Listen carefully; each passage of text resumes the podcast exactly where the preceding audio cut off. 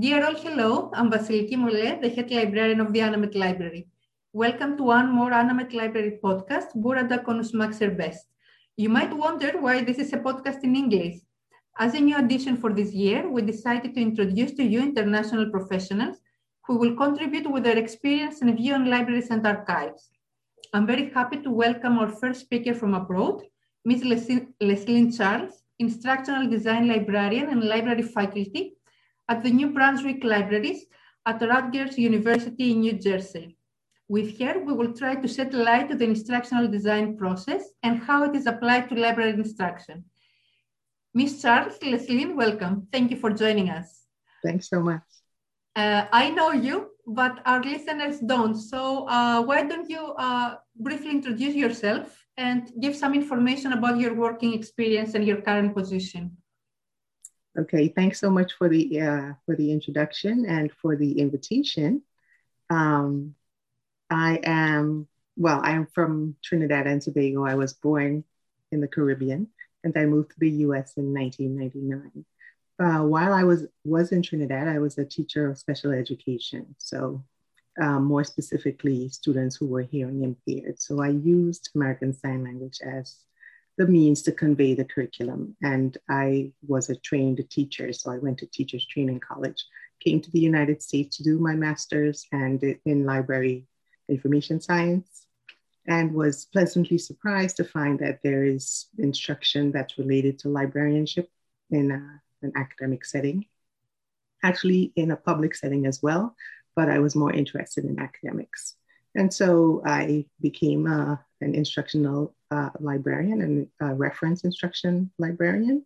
Uh, I was a coordinator for information literacy instruction at a previous institution, and I've been at Rutgers University now almost eight years as the instructional design librarian, which is kind of a hybrid position uh, um, using instructional design as well as uh, traditional library roles. So I'm sure we'll talk some more about that. So I am a tenured faculty member, which I understand is not specific to Turkey, but no, uh, it's not very have, common. Yeah, so uh, we have te- we have tenured faculty status, and uh, so we serve teaching faculty and we are library faculty. Just to give you an idea of our structure. I see. Uh, sounds good as an introduction. Um, before I continue with very specific questions about uh, the profession and uh, what exactly is the instructional design, I read this phrase the other day that I really liked. So um, I will read it to you and I would like you to, uh, your opinion about it. So it goes, instructional librarians are the people who make libraries come to life.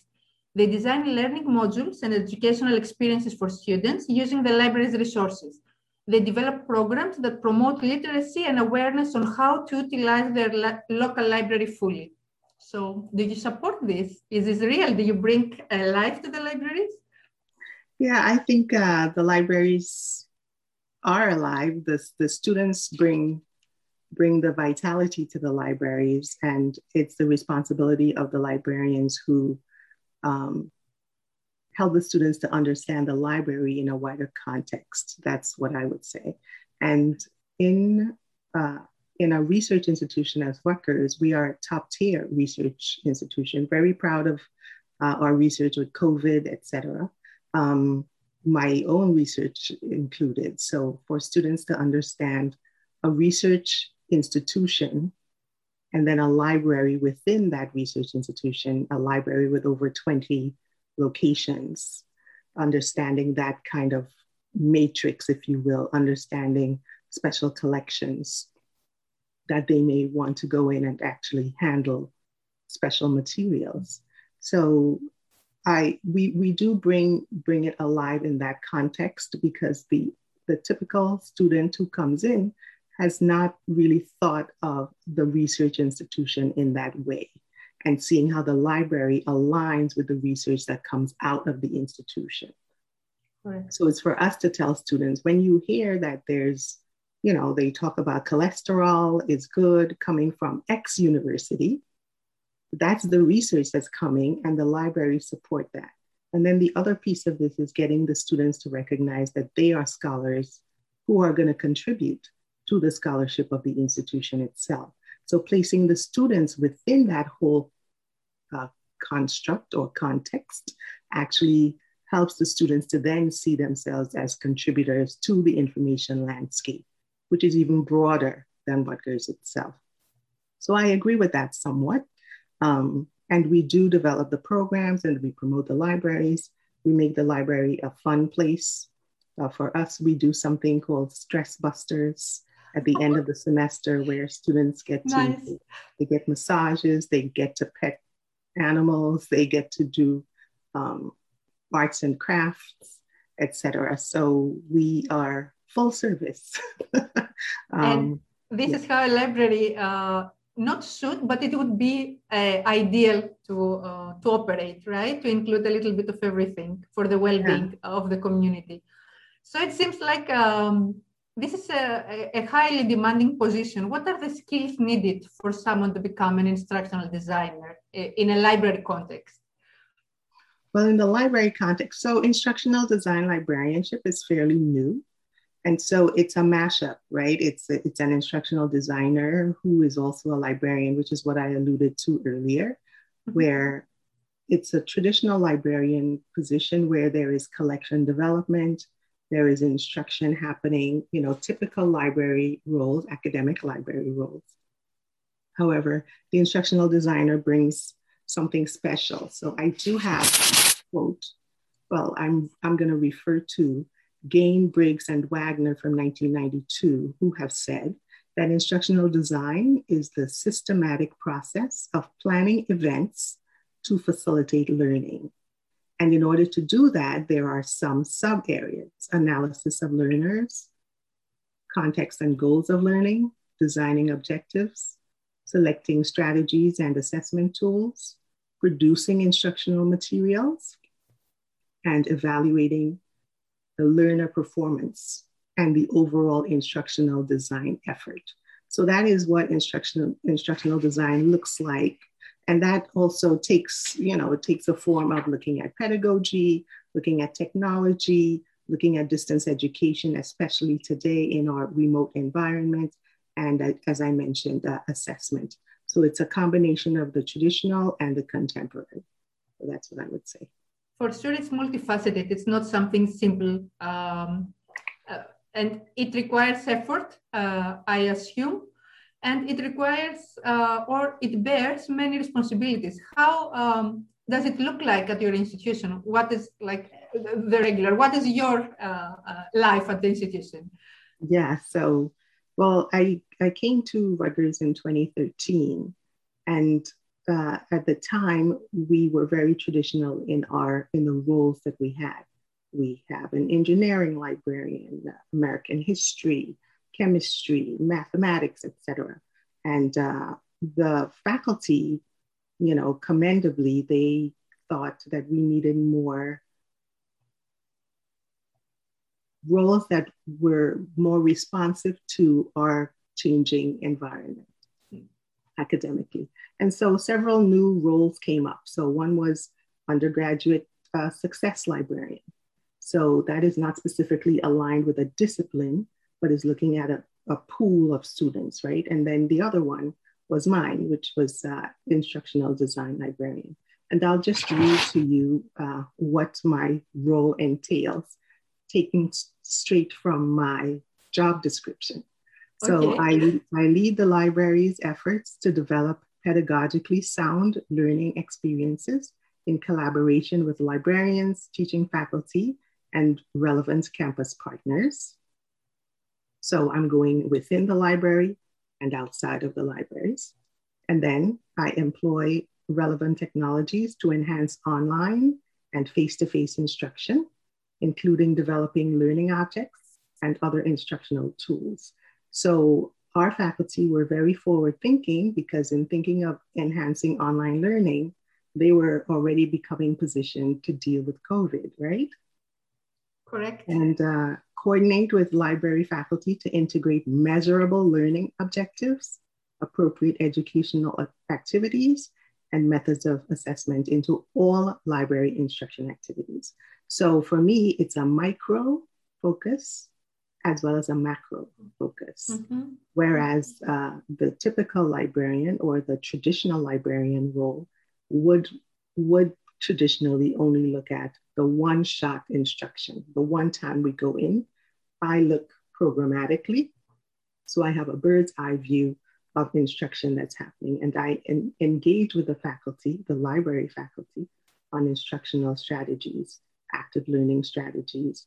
We come together for assessment, trying to figure out what is the best way to approach.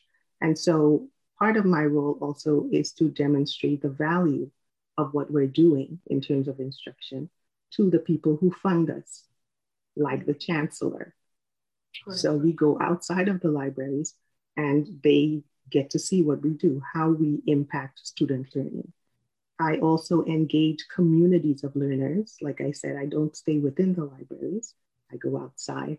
And then I create faculty programs, I create partnerships, I do interactive tutorials, and that kind of stuff. So that is what my job looks like. And it also includes doing research and publishing for sure it's not a boring position. And uh, as you mentioned, um, it requires a lot of um, social skills. It's not like a position that you stay uh, at your desk the whole day, uh, surrounded by books behind your laptop. There is an interaction with the community. Uh, you need to understand the needs and you need to uh, prepare based on these needs, right? Yes, exactly. So, uh, yes. Yeah, I was uh, so, and for a university as big as mine, where we have tens of thousands of students, it becomes a strategic role where we look at populations of students in order to see how we can impact them. So, as you say, it requires being outside of the libraries, it requires creating partnerships, collaborations, and really negotiating with different uh, departments to say, this is what you need, this is what I can do for you. How can we measure it together? And then take that and make changes. So it's creating the partnerships, but also sustaining them. Uh, this is very important, maybe the most important. Yes. So um, coming to the actual, uh, the actual um, topic, what is the real difference between instructional design and the regular information literacy classes that uh, most of us know. Maybe we have uh, been part of this uh, of these classes. Are they so different? Do they overlap somehow? Uh, yeah. So the in in the United States um, and at Rutgers specifically, we do the one shot class, which is what you're going to see in the literature all the time. It is a faculty member who has their class, and then the librarian is invited to help the students to accomplish a particular learning goal. So at Rutgers, we have moved away from come and do a library orientation. We are now aligning our instruction to the learning goal of the professor or of the program. So for, for the instructional designer, that conversation happens in the libraries where we take, for example, the writing program, and I highlight in the writing program, there is a learning goal that is information literacy. So when we teach in the writing program, let's teach to this learning goal. And so that conversation happens from the instructional design librarian perspective. The librarian then goes into the class and does that instruction. And then the instructional designer will follow up on that, that type of instruction. So, how many sessions did we do? How did the students perform? And then, how does the faculty see the librarian interaction or integration within their class? So the, the, the one shot is the, the physical, the literal teaching of the class. The instructional designer orchestrates the whole thing with the program, with the program director, with the librarians, and with the graduate students who teach in our program. The instructional designer also makes sure that they are trained and they are mentored and they work with a mentor to actually execute the instruction. So the, the designer has, the designer is actually designing the instruction that happens, the, the lesson planning, the assessment that's happening, and looking globally to see how this interaction with the libraries and the writing program is working and what changes needs to be done and how well can we continue to maintain our relationship but also ensure that the student goals are being met right and so it's a cyclical kind of a process mm-hmm. uh, the instructional designer also makes sure that there are opportunities for the the writing program, and the library faculty to interact. So every summer, we have an information literacy summit where we talk about information literacy within the context of the writing program. So last summer, we were preparing for full fall remote instruction because of COVID. And so the summit took the, the theme of uh, leveraging student preferences in terms of a digital environment. And so that came into now embedded librarianship. We start talking about that. And so now the instructional design librarian brought embedded librarianship to the faculty, to the writing program. And then we said, this is the way forward to deal with COVID. So that's a case in point. So the actual one shot is, com- well, it's it, it is different in its approaches and there is overlap in that the one shot takes a position among the the entire activity if that's clear.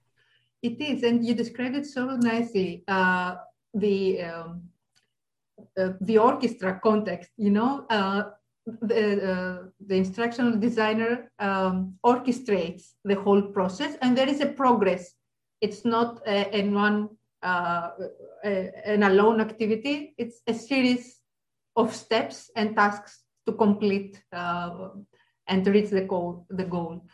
Um, even though you already um, replied, I will ask uh, directly, what is, um, how important do you think it is the relationship between faculty members and the librarians in order to um, to succeed in uh, creating and maintaining a successful uh, library instructional program?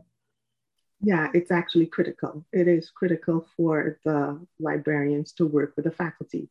The faculty, I mean, Rutgers is different in that library faculty do teach our own courses. I do teach my own course that I think we will talk about.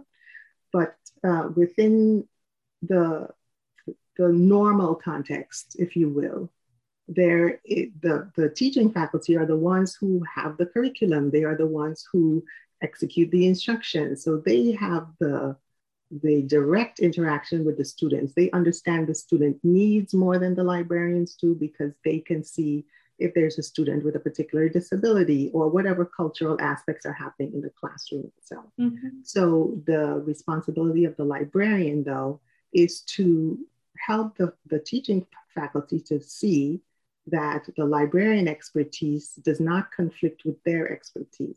It is a complement to, right? So the librarian is there, is the expert in their own right. Their content is information, and the professor's content, for example, is history. And even though the librarian may be a historian, which will also enhance the instruction, the librarian is not teaching history. So that is the first understanding that needs to come so that there is, we pave the way for the partnership. So the teaching faculty knows where our perspective, what we are coming with, and how we can assist. And then the librarians also need to be armed with the language mm-hmm. of your learning outcomes in your course and how my instruction can assist you to achieve these learning goals. And these activities will, will uh, enhance your class, supplement your class. It needs all of this language needs to be said so that a lot of misgivings may melt away, where a teaching faculty may have a misunderstanding of what can happen. And many times, teaching faculty do not know what they don't know. And this is also a case, yes. we need to tell them this is what I can do for you in that kind of a way. Right. So it's really critical this conversation that happens. And librarians need to have, they need to speak the language of the teaching faculty, not library language specifically, right? I, and I, I want to say that the uh, ACRL, the Association of College and Research Libraries, has given us that language using the framework for information literacy for higher education, right? So that whole frame allows us to look at information in terms of the discipline. So we can speak to the professors using that language, which this association or professional association has given to us. Mm-hmm. So we don't have to create, recreate the, reinvent the wheel rather. So yeah, so that whole, that is critical. And then of course we want to maintain. So we have to assess. We have to assess what we did and we have to be true to ourselves to say, well, that didn't go so well if it didn't, right? And how can I mm. change? Because we are constantly evolving. We too are lifelong learners as our students. And so, as professionals, we need to change with the need and staying abreast of student needs, student preferences in learning, making cultural references that make sense to students. So, we need to stay fresh, so to speak.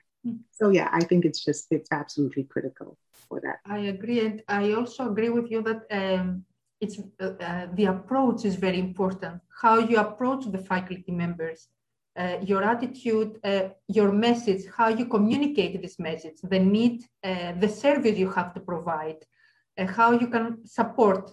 These are all um, critical, but you have to know or cultivate the way, the better way to communicate this. Otherwise, it won't be successful uh, and to promote also. You might have the best service. If you won't promote uh, effectively, no one will know. Exactly. Um, so, um, can you give to our audience some examples of um, instructional tools or some models? Okay, so um, my instructional design model that I adhere to is the Dick and Carey Systematic Design of Instruction Model from 1978 and it's it allows anyone you don't have to be an instructional designer but it does outline it's like a template for how you want to approach your own instruction. So you determine the instruction goal you analyze it you analyze the learners the context of the learning you write out the objectives the performance that you want the students to do okay so what is a performance do you want students to evaluate a website, right? So that would be the mm-hmm. performance. Um, then you would develop an, an assessment instrument. Maybe you have a rubric with the, the tenets of that website. And so that rubric would allow you to, to see whether the students have attained the particular goal. You develop the instruction strategy. What would be my strategy? Will I be uh, putting them in teams? Are they going to Am I going to model a website with us together? How are we going to do that? Um, and then we, we conduct a formative evaluation in the moment. We can see students actually doing it and we can make change. We can revise instruction after and we can have a, a summative evaluation at the end. So at the end of it, uh, maybe we the summative evaluation could be that we would see the student bibliographies to see what types of websites they actually use for their essay, for example. Mm-hmm. So I subscribe to the Dick and Carey model. And in terms of, do you want me to talk about some tools that I use? Okay. So in terms of the, the, the instruction aspect, of course, we always want to have our lesson plans or rubrics, etc. Um, we want to define our student performances, like I mentioned before. Um, are we going to use quizzes? Will it be a peer assessment? Um, is it going to be a, a jigsaw classroom that we're going to use where students teach each other? Are we going to flip the classroom where mm. we send the we send a couple trick websites ahead of time, or how are we going to do that? And then um, in terms of some of the tools that I use, I leverage the learning management system. So we at Rutgers, we use Blackboard, Canvas, Sakai, Moodle, we have several. And in each of these, there are great tools that we can leverage, like VoiceThread. Mm-hmm. Students like, you know, things that mimic social media, students love. So if we can use those tools, especially tools like a discussion thread, having students talk to each other in, you know, it's like posting comments. So mm-hmm. that is a really nice way. Whatever we can we can find to mimic how they interact with each other today is good. Um, and to that point, Flipgrid is very good, where students can just post a brief reflection or something. Wakelet is another one where they can post their, um, if you wanted them to evaluate a blog or something, they could post their blogs that they think is a good blog, etc. I like polling. Mm-hmm. So Zoom allows us to poll, which is great. Yes. And uh, Kahoot is uh, another software that I use that students love because it allows them to be competitive. Um, it's also then, fun. Yes, it's fun as well. And so we have uh, screen captures like uh, Camtasia, mm-hmm. uh, also um, creating tutorials using uh, Adobe Captivate, which is very robust. It's a high learning curve, but it's very good. Then there's Articulate, which allows you to have um, scenarios. And um, Zoom, of course, allows you to do screen capture and it gives you the transcript. And of course, Camtasia works very well with PowerPoint. So those are some of the tools that I like to use for interactive learning. Um, and uh, for screen capture to make sure that uh, students get the, the nuances of what I want to teach. I think options are so many. Uh, it, someone just needs to devote some time to see what there is out there, what um, is the best choice for uh, their purpose, what covers their needs. Um, really, there is no way someone will say, there is nothing I can do. Uh, I don't have the tools there's exactly. such a big variety. And um, even there, there's many free ones, like a, uh, you know, there are free ones, but then the subscription ones allow you to have a free trial. And in 30 days, you should know how, how, much you can use, and then you can decide if you really want to subscribe mm-hmm. to that. Mm-hmm. And when it comes to instructional materials, some examples, just to make it more specific for our audience. Um, okay, so uh, lesson plans. Lesson plan, okay. Yeah, mm-hmm. so the lesson planning, creating the rubrics, uh, peer assessment. So there's one uh, one activity that I use. It's called Pass the Problem, okay. where you you write out your issue, whether it's your your research question or the key terms, and you pass it to two colleagues, and then they critique, and so you can tell, Interesting. yeah, if whether or not they they they know it. Um, and polling is a big deal. The quizzes, quizzes, you know, multiple mm-hmm. choice, mm-hmm. post test, post assessments, all of these would be some some instructional tools. And notice that I am merging assessment tools with instruction tools because whatever you want the student to perform becomes the assessment. So I like to encourage people not to think of them as separate it's nice because uh, with all these options in tools and um, in different materials, uh, you keep the interest of the students. It's not a dull text yeah. uh, that they need, you know, to read and understand and maybe answer questions or uh, uh, complete a quiz.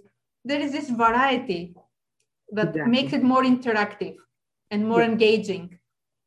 Yes, and when I talk about these instructional uh, tools, uh, I encourage people to think about student preferences, to think about their audience.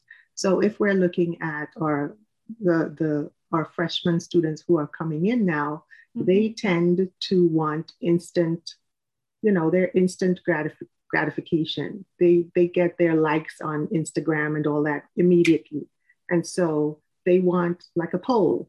Mm-hmm. And even in the poll, they don't really want a whole lot of text. So if when if we do our multiple choice, if we can have images, that actually helps. So thinking about learner preferences, these um, instructional tools that have been have been around for many, many, many years. The, the, the framework is there, but the content is more modern. This mm-hmm. is what this is what I mean. Think mm-hmm. about who your audience is. I mean, if you're teaching um, maybe continuing education students who are more further on in their years or returning students, people who are in their 30s or even 40s, they don't mind text. So you model your multiple choice now with text. So we need to really pay attention to our audience. You mentioned several times um, the importance of assessment, and uh, it seems you're very, uh, you have experience, you're very experienced on it.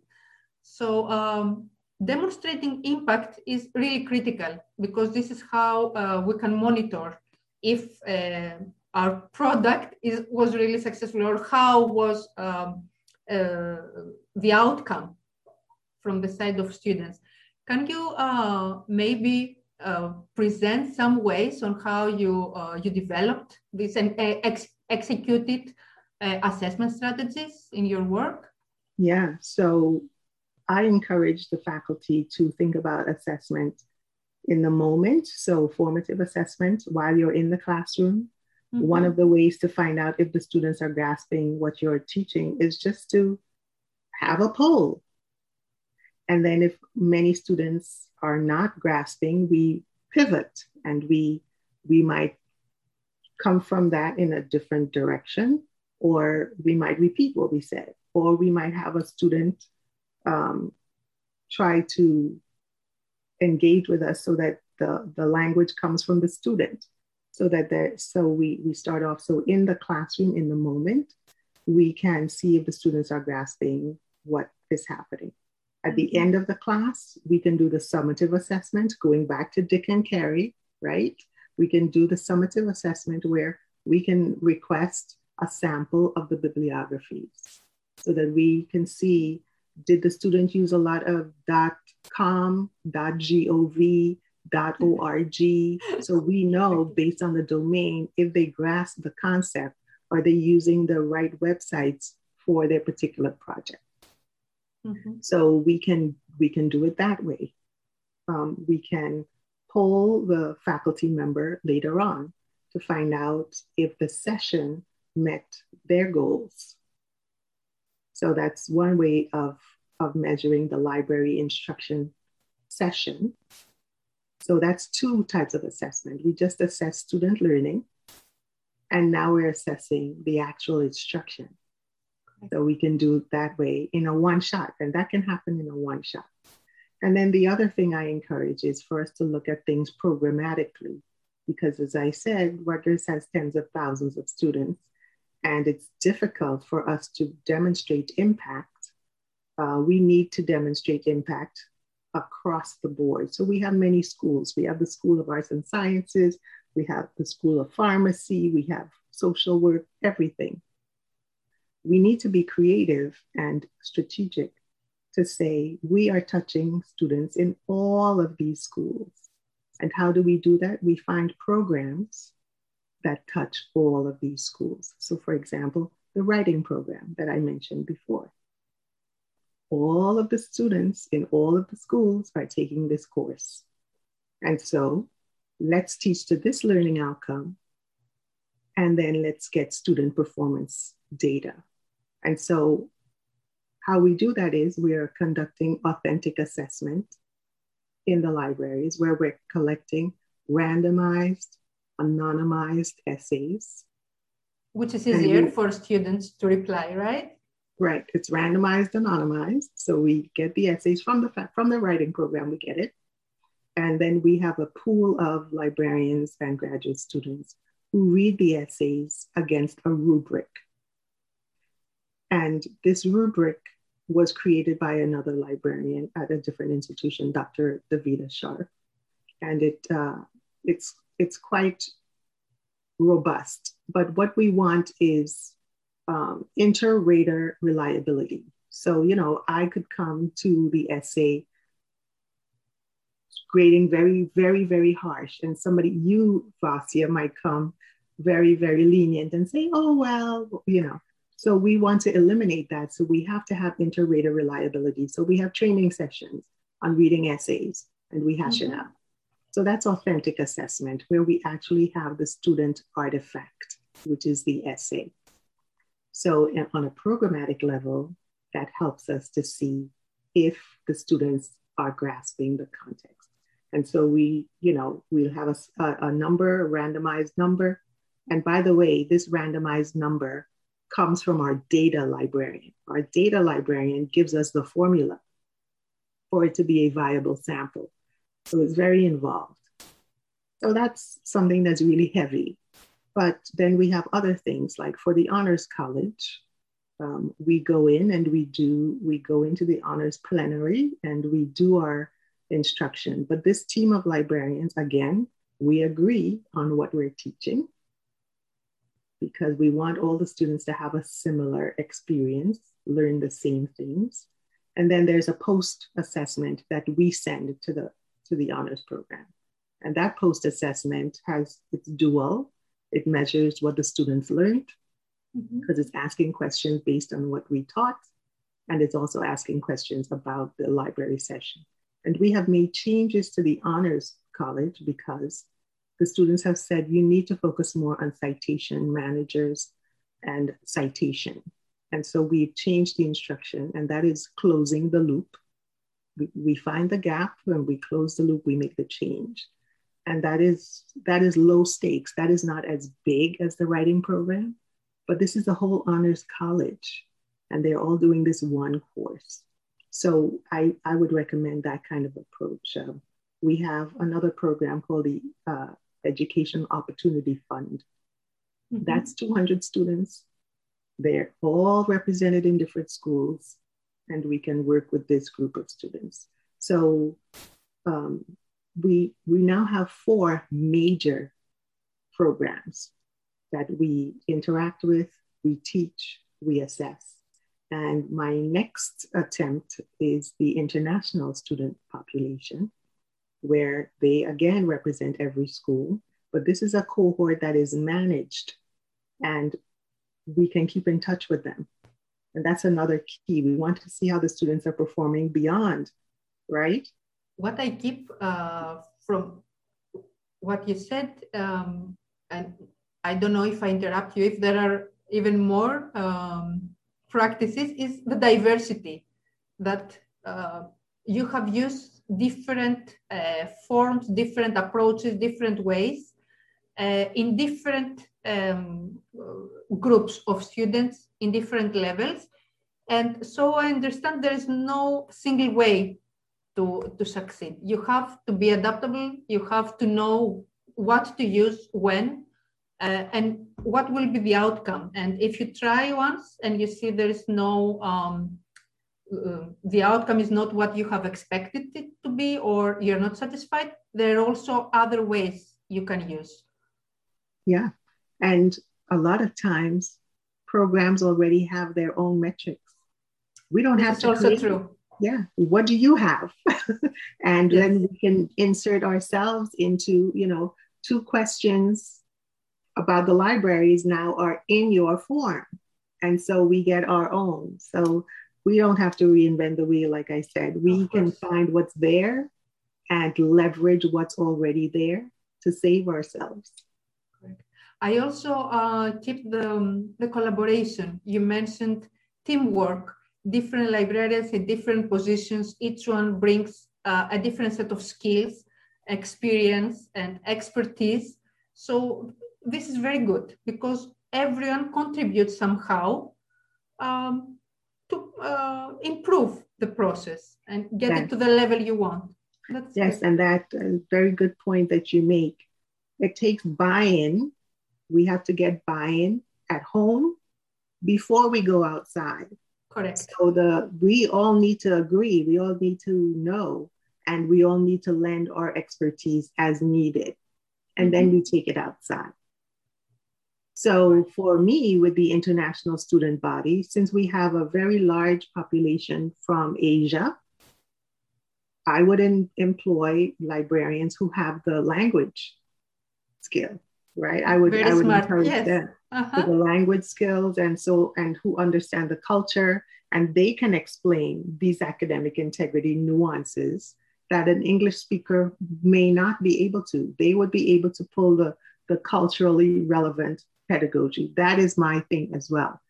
So I go with pedagogy. Culturally relevant pedagogy would be applicable in this case.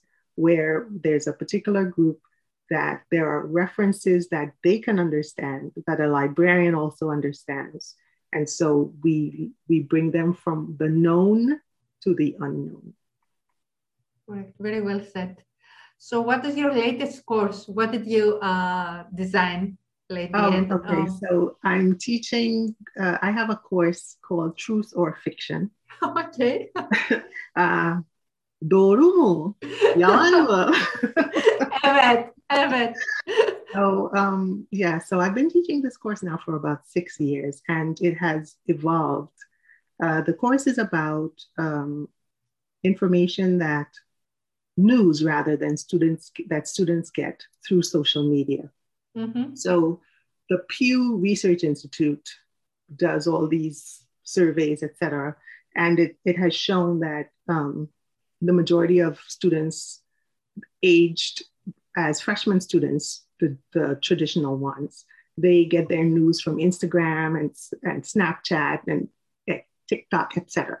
So um, I am interested in how students evaluate this news that they receive. Uh, and I want them to see themselves as creators of information who are responsible for what they consume and also what they share, as well as what they generate. So I come from my classroom position of information privilege. Students at Rutgers University as a group are information privileged because they have access to journals, etc., behind a paywall. Um, they are they are able to go to school remotely because of the infrastructure, right? Mm-hmm. So because of COVID, they can still be in school, right? They have the technology, they have the hardware, they have the software. Very correct. So Very correct. they are information privileged. And so with privilege comes responsibility. And so your responsibility is to see fake news for what it is. And you also need to see that you have confirmation bias. You need to see yourself as the human who likes the information that matches what your predisposition, your pre-beliefs. So my class talks about confirmation bias, it talks about information privilege, etc. Um, we especially talk about um, information privilege within the context of the tragedy that happened in Myanmar some years ago with the Rohingya um, and the, the ethnic cleansing that was happening there. So we talk about how tech companies um, might have or may not. I leave the students to, to decide this on their own. I, I do not lead them, I give them the information and they decide um, what responsibilities tech companies might have when it comes to abuses of their platforms. We talk about that as well. Mm-hmm. And so um, I also let my students know that fake news is not a new phenomenon. It has taken on a new color or a new, t- a new, a new hue now uh, because it's been it's being more used as information that somebody doesn't like rather than whether it's true or not. But I let them know mm-hmm. fake news has been around since the Civil War. so um, so we we talk about that kind of stuff more recently though, and my class is still going on, and I do want to integrate um, influencing because on social media there are influencers, right? But uh, the influencers that we hear about typically are the celebrities and you know makeup and mm-hmm. um, more light things. I don't want to say frivolous things, but lighter, lighter content. But I recently encountered um, influencers who are migrants who have a channel and are talking about safe routes to migrate, dangerous routes to migrate, and they have followers. So I want to talk about that in terms of information privilege as well as information, information underprivilege. But the whole thing that underpins my course is metacognition, because um, there's a term called the illusion of knowing, which is rooted in reading comprehension. But I have taken latitude and I have taken the illusion of knowing to relate to the generation of students who have an illusion of knowing by virtue of their being digital natives. Mm-hmm. They assume they know mm-hmm. about information and they assume they can evaluate information. But literature has shown that they are very prone to be vulnerable online, right? So part of my class has to do with metacognition, where they think about why am I reacting to this information this way? Why am I doing this, et cetera, et cetera. And so I use Flipgrid, which is that video platform where the students can reflect. Normally, I have them reflect while they're writing, mm-hmm. but now I just have them just talk because I feel like the, the writing, excuse me, the writing might uh, hinder them in some way. They might have to think about proper sentence structure. I just want them to just voice what's on their minds. So that's what I'm using right now. So um, my class is a Byrne seminar. It's it's within the very interesting Byrne seminar, and uh, yeah, the students seem to really enjoy it. I always have my class is always full, so they always this, register. And this might be uh, a big trap, you know, for this privilege. Uh, the more you um, there are out there, the more you're offered, uh, the bigger the trap, because you might really uh, not know. Mm-hmm. And um, either it's true or fiction. It might yeah. be uh, a very well designed fiction, um, but you believe it uh, yeah. to the to the core. So yeah, yeah. They uh, they when they find out that there's a whole industry of fake news that's being written for American consumption, they become rightly outraged. Mm-hmm. And that's what I want. I want them to to recognize. And it's one thing if you read, if you want to read fake news, but you must know it's fake. You must you must consciously decide. You must not be a victim of it. That's the idea. Very important. Uh, I will move slightly from uh, the course because um, apart from uh, your regular work, you're uh, you have many interests, and uh, I know you like uh, being involved in new things. So you're currently uh, on the roster for uh, the Fulbright Specialist, right? Yeah. The 2020-2025. Can you give us some more information about it? The topic you um, you chose, the, the application process. what is your intention about this program? So, one of my colleagues is also a Fulbright specialist. And um, I had heard about the Fulbright specialist program from a previous colleague who has since retired. And I had flagged that email as something I might be interested in. This was uh, maybe three, four years ago. And then my colleague is also a Fulbright specialist. Uh, he actually he speaks Mongolian, and he has been uh, wow uh, seeking to go to Mongolia to, uh, this is our data librarian um, who, um, you know, is a model for me. He's one of my, my faculty models within my unit.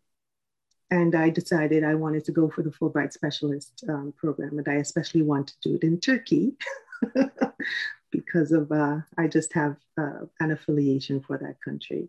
And so um, my area, of course, is information literacy, instructional design, all of these things that I just spoke about assessment, mm-hmm. instructional design, um, internal, getting buy in from internal faculty, librarians, helping them to understand um, how we can impact the wider university, how we can sell the university, sell the libraries rather, sell sell our services, you know, in, integrate like all the programs that I just talked about, the ways to get these partnerships going, the ways mm-hmm. to sustain them, the way to assess them, and uh, recognizing the different types of pedagogies that can be uh, employed uh, for a particular context, you know. So, um, so that's really my interest. So I went ahead and I, I applied for it. The process is, is quite rigorous. Um, there are two essays and um, one was very interesting. One essay asked about how can you demonstrate how you would be able to interact with an international community? Would you be able to, because they want to make sure you can thrive in a different environment. Of course, it is and, important. Um, yeah, it was a very good question, but I was able to come at that question from the perspective of already being in an international context because I came from a different country. So I have already proven that I can thrive in yes. a different setting. and so I came from that perspective. And, you know, my, I just have an affinity for diversity. So, you know, I have, I have experience in the hearing impaired community by speaking American Sign Language. Um, and I have uh, connections with the, the, the, Turkish community by learning to speak Turkish. Doğru. So, yeah, çok güzel bir deal um, Süpersin so, so I was able to demonstrate that diversity, and so I I, I am seeking to to go to Turkey for um, to work with a university. Hopefully, Inshallah. Uh, yes, doğru. and so um, that's what I would like to bring. And actually, the second essay talked about what would you bring to the institution. And so I had to outline most of the things that I've already expressed here. I was able to outline those things to say these are some of the skill sets that I could bring to a university. I think in programs like this, uh, the benefit is mutual because both you both offer something to the community, to the organization, to the institution you're going to, but you're also receiving um, a lot of knowledge, this experience, not only from the international context, like socially, but on the real workplace. You see other colleagues, how they work, how um, they interact with each other, what is the culture there, the working culture. Um, these are very important things, so very um, uh, beneficial for one's um, ex- uh, experience and life. If you are, if one is open to um, to accept all this, right? Exactly. I think it is important. Very nice. Very and it's nice. always good for an institution to see their institution through the eyes of someone else. Of course. Because we are so close to it. You know, of when course. we are so close to it, it's good for someone to say, why don't we do this? And then everyone says, oh, wow, you know. So it's always nice to get a different perspective. And like you say, it's mutually beneficial. So what would what I would take from from the experience to bring back to my institution, and who knows what what further relationships can be developed mm-hmm. through that you know, different, different departments, different librarians, all of that can happen. So I'm excited to, to pursue that. Of course, it's been on hold now. Typically, the Fulbright specialist is for three years, but uh, because of COVID, it has been mm-hmm. extended until until 2025. Many so things have changed this past mm-hmm. year, and um, they have been affected also for uh, for some more years. Let's see. Let's be uh, optimistic. Yeah. Uh, uh, what about your um, publishing activities or any current research you're involved in?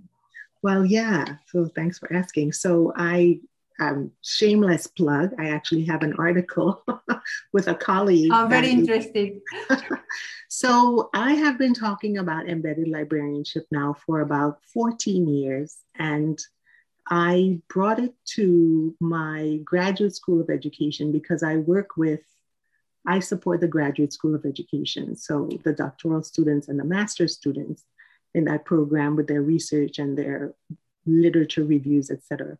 And so I had a professor, uh, Dr. DeFabies, who was teaching a course called Curriculum and Instruction, all online. And he wanted to to bring the, li- the librarian or the library uh, resources into the class. And so I said, embedded librarianship is the way to go, um, which is where we're embedded in the course materials. But I also said to him, let's look at this whole thing through the lens of the theory of trans- transactional distance. And transactional distance is a space that students experience in a remote environment class where they're distant from their peers, they're distant from the professor, they're distant from the institution. And the person to bring them all together could be the librarian. And so he was open to that.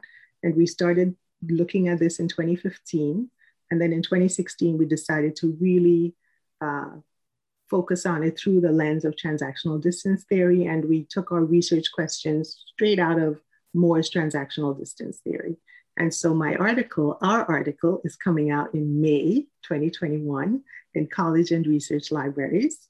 And it's called Closing the Transactional Distance in an Online Graduate Course through the Practice of Embedded Librarianship. So we're very excited about that.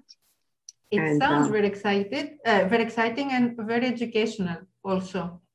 And it just turned out to be right on time because of COVID. Correct. And you know, as I mentioned, I brought embedded librarianship to the faculty last summer to say this is the way for us to cope or to support faculty during COVID. And so that took off. So I'm very proud of, of that, which is another thing an embedded librarian does, right? and uh, sure. I have another article that uh, is currently under review. So maybe I won't say the name because I'm not sure if it will be accepted and it might have to be reviewed by another journal. So someone who could potentially be reviewing my article would not would not need to know it's me for blind review. Okay. So I won't talk about that. we are librarians will we will search for this article once the time comes, right?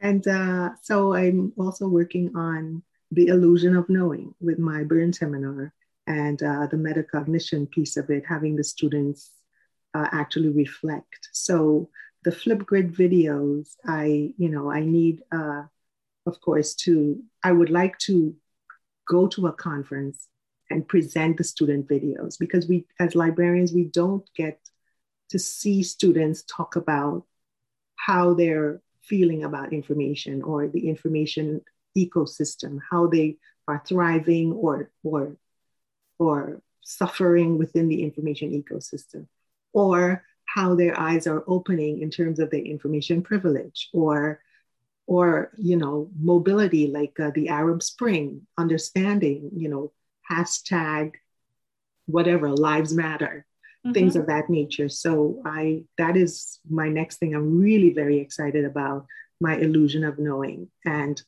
uh, one other research uh, that we're uh, I'm doing with a team of librarians across New Brunswick, across New Jersey, rather. Um, we are looking at high school students and their information literacy competencies. They are being surveyed in high school, and then when they come to higher education in New Jersey, we're surveying them. So we are trying to find the gaps between the high school and the college level, and then come up with strategies to bridge that gap.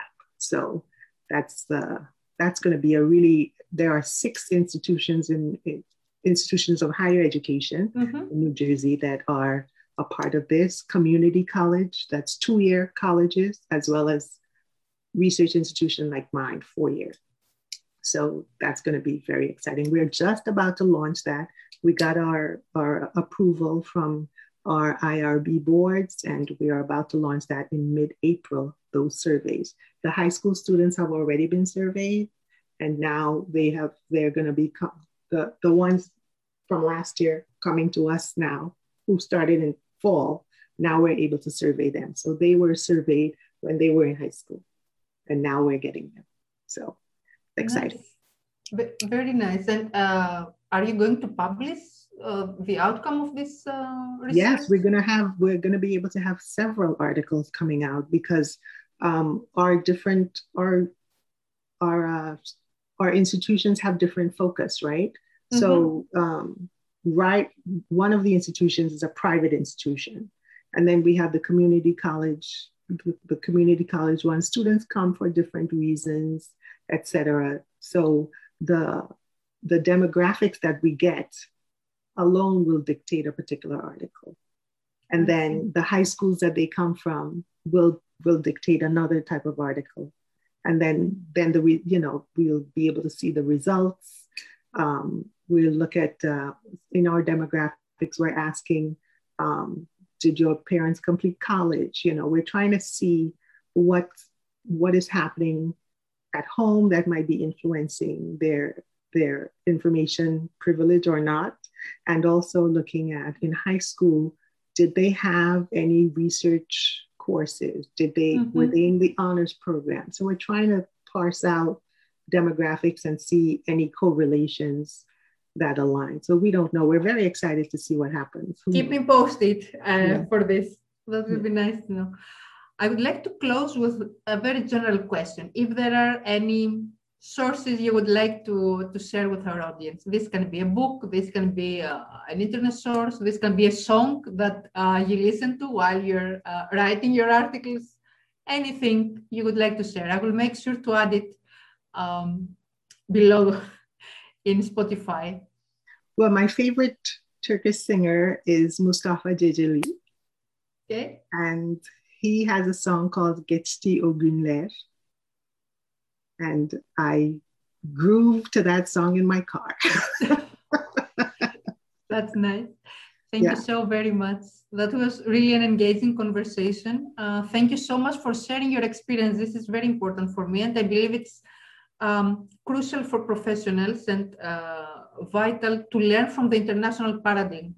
As we said before, not what we are doing in our closed society, in our closed culture and a closed experience, but what we can learn from others. This is uh, really important, at least for me. Uh, I hope we will meet soon in Turkey. Same. Dört gözler bekliyorum. Dört gözle bekliyorum. Your Turkish is much better than mine, Leslin. Aferin sana. As for you all, thank you for joining. Uh, thank you for listening to one, uh, one more of our podcasts. Stay tuned for more international speakers throughout the year. Have a good night.